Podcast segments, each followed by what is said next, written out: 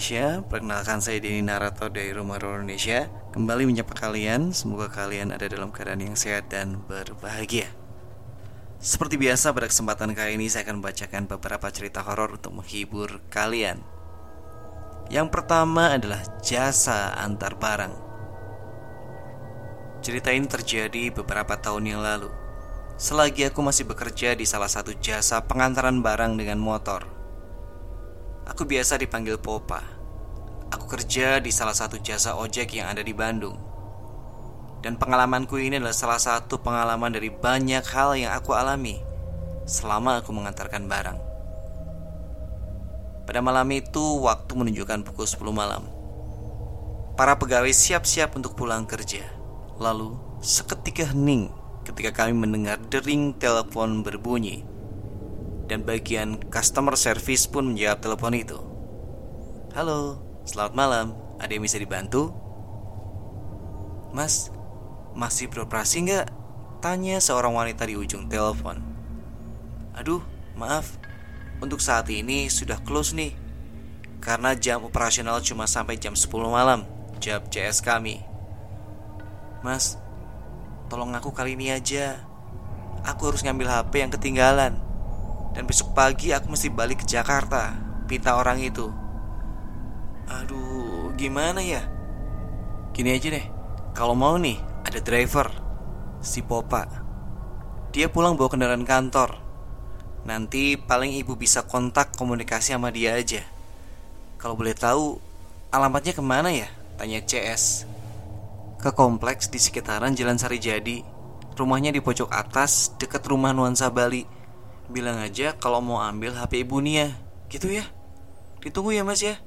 Nanti diantarkan aja ke rumah saya di Jalan Ciampelas Ucap ibu itu yang ternyata bernama Nia.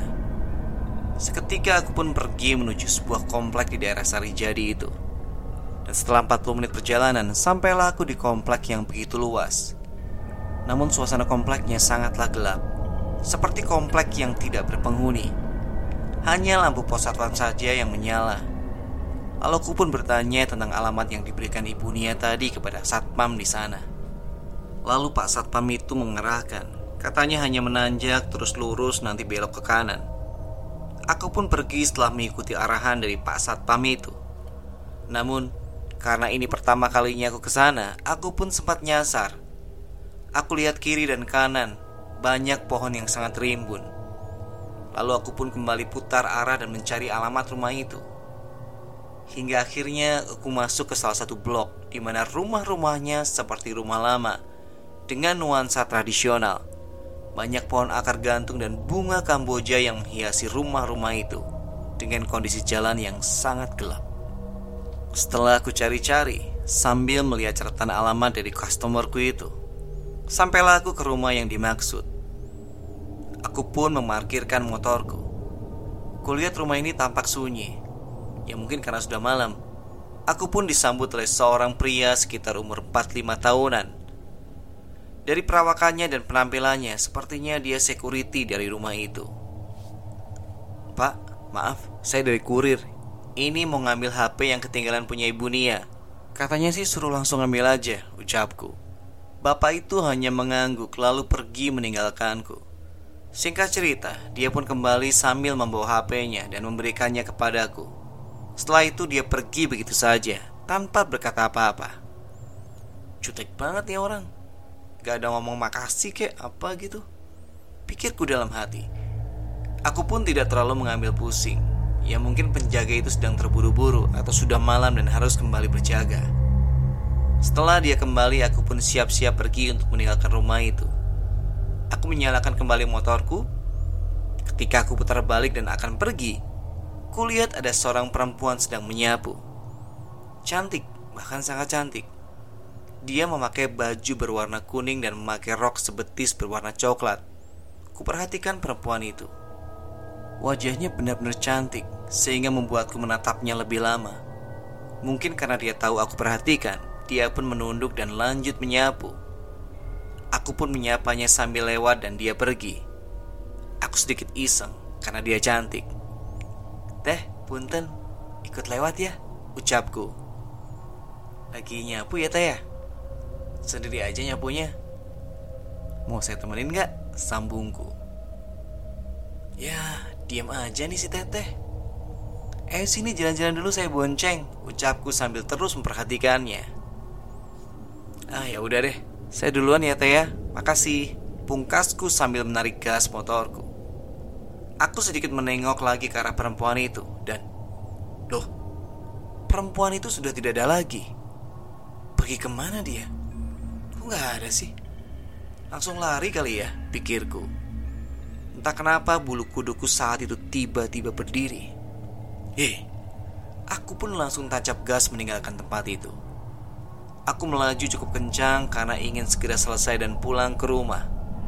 Hingga sampailah aku di jalan Setia Budi Anehnya malam itu terasa sangat sepi Hening dan angin cukup berhembus kencang Aku menancap gas motorku menuju rumah ibu Nia, customerku itu. Hingga sampailah aku di rumahnya di Ciamplas. Aku langsung mengetuk gerbang. Permisi, Bu Nia. Dari jasa antar barang. Permisi, ucapku. Kutunggu beberapa lama, namun tidak ada jawaban apa-apa. Wah, ini udah tidur gitu. Alamatnya bener ada di sini. Mana orangnya? Tanyaku dalam hati. Permisi. Dari jasa antar barang. Permisi. Teriakku lagi. Ke mana nih orang gumamku? Sekitar hampir lima menit aku menunggu di depan Dan syukurlah ada yang membuka pintu gerbangnya.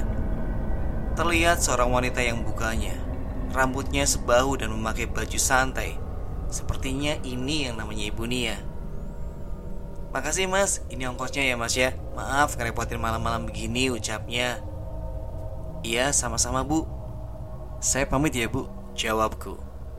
Kulihat ibu itu tersenyum padaku Lalu dia seperti menengok ke belakang di mana motorku diparkir Dan juga tersenyum mengangguk ke arah sana. Eh, kenapa bu? Tanyaku heran. Oh iya mas Itu pacarnya suruh pakai helm. Bahaya kan naik motor nggak pakai helm? Jawab Bunia. Hah? Pacar? Saya sendirian bu. Soalnya ini kan sekalian pulang aja. Jadi saya sendiri bu. Jawabku dengan setengah tidak percaya. Lah itu siapa yang duduk di atas motor mas? Perempuan itu? Tanya ibu Nia sambil menunjuk ke arah motorku. Ketika aku tengok Tetap tidak ada siapa-siapa. Bulu kuduku pun merinding seketika Aku pun berpamitan lalu langsung pergi meninggalkan ibu itu. Entah apa maksud dari ibu Nia berkata seperti itu. Sugestiku menjadi semakin tinggi.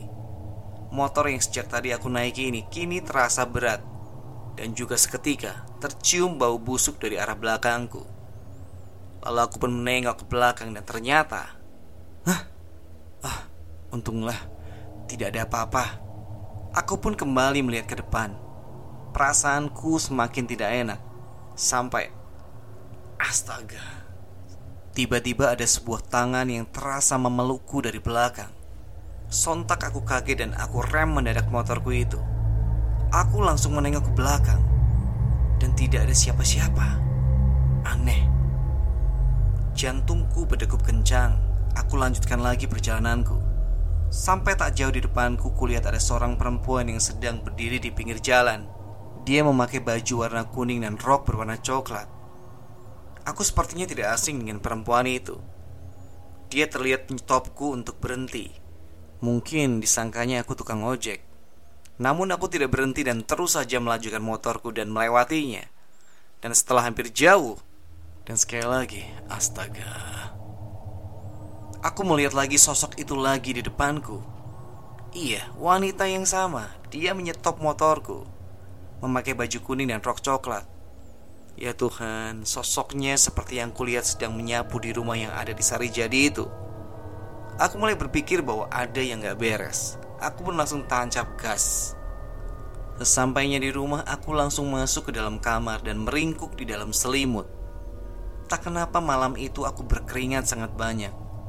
Terasa sangat panas sekali. Hingga ketika aku tertidur, terasa sesuatu yang janggal. Seperti seperti ada yang tidur di sebelahku. Terasa di punggungku ada sebuah badan Aku sangat yakin ada seseorang yang tidur di sebelahku sekarang. terasa di punggungku ada sebuah badan dan sepertinya sikut. Iya, sebuah tangan juga. Perlahan-lahan aku mulai bergerak keluar dari balik selimut. Pelan dan perlahan aku sudah mengeluarkan kakiku dari dalam selimut dan siap untuk berlari. Hanya tinggal bagian tanganku saja yang masih berada di dalam selimut itu. Dan astaga, tiba-tiba saja ada yang menggenggam tanganku dan menarik tanganku. Refleks aku menengok ke belakang dan aduh, ya Tuhan. Sesosok perempuan tengah berbaring di atas tempat tidurku dengan rambut panjang yang terurai Wajahnya pucat, mirip seperti yang kulihat sebelumnya tadi. Tapi kini sekujur muka dan badannya penuh dengan darah. Dia terus menarik-narik tanganku sambil menangis. Badanku mendadak lemas hingga membuatku tak sadarkan diri saat itu. Aku pun pingsan. Keesokan harinya aku jatuh sakit sampai tiga hari lamanya. Aku pun pergi ke dokter. Anehnya dokter bilang aku normal. Sama sekali tidak sakit tapi aneh, setiap malam aku merasa panas dingin dan tidak karuan. Lalu kemudian datanglah kakekku yang berkunjung ke rumahku dari luar kota. Kakekku ini memang mengerti hal-hal gaib. Ketika dia melihatku, dia langsung menanyakan, kemarin-kemarin aku pergi ke mana? Dan aku jawab, kemarin aku kerja dan pulang kerja aku ke kompleks Sari Jadi untuk ambil pesanan pelanggan. Kakekku mengangguk. Dia mengambil sebuah air dalam botol air mineral. Dia memegangnya sambil memejamkan mata lalu memberikannya kepadaku. Katanya air ini sudah didoakan. Dia menyuruhku balik lagi ke tempat kemarin lalu menyiramkan air tersebut di daerah itu. Tidak banyak bertanya, aku langsung pergi ke sana. Begitu sampai di sana, aku siramkan air pemberian dari kakekku itu. Dan aku pun pergi kembali. Sedikit ada rasa penasaran di sana Akhirnya aku bertanya ke penduduk setempat. Aku bertanya kepada orang-orang yang sedang berada di pos satpam. Misi pak, saya mau nanya. Ini kan komplek lumayan mewah. Tapi kok kayak sepi dan nggak keurus.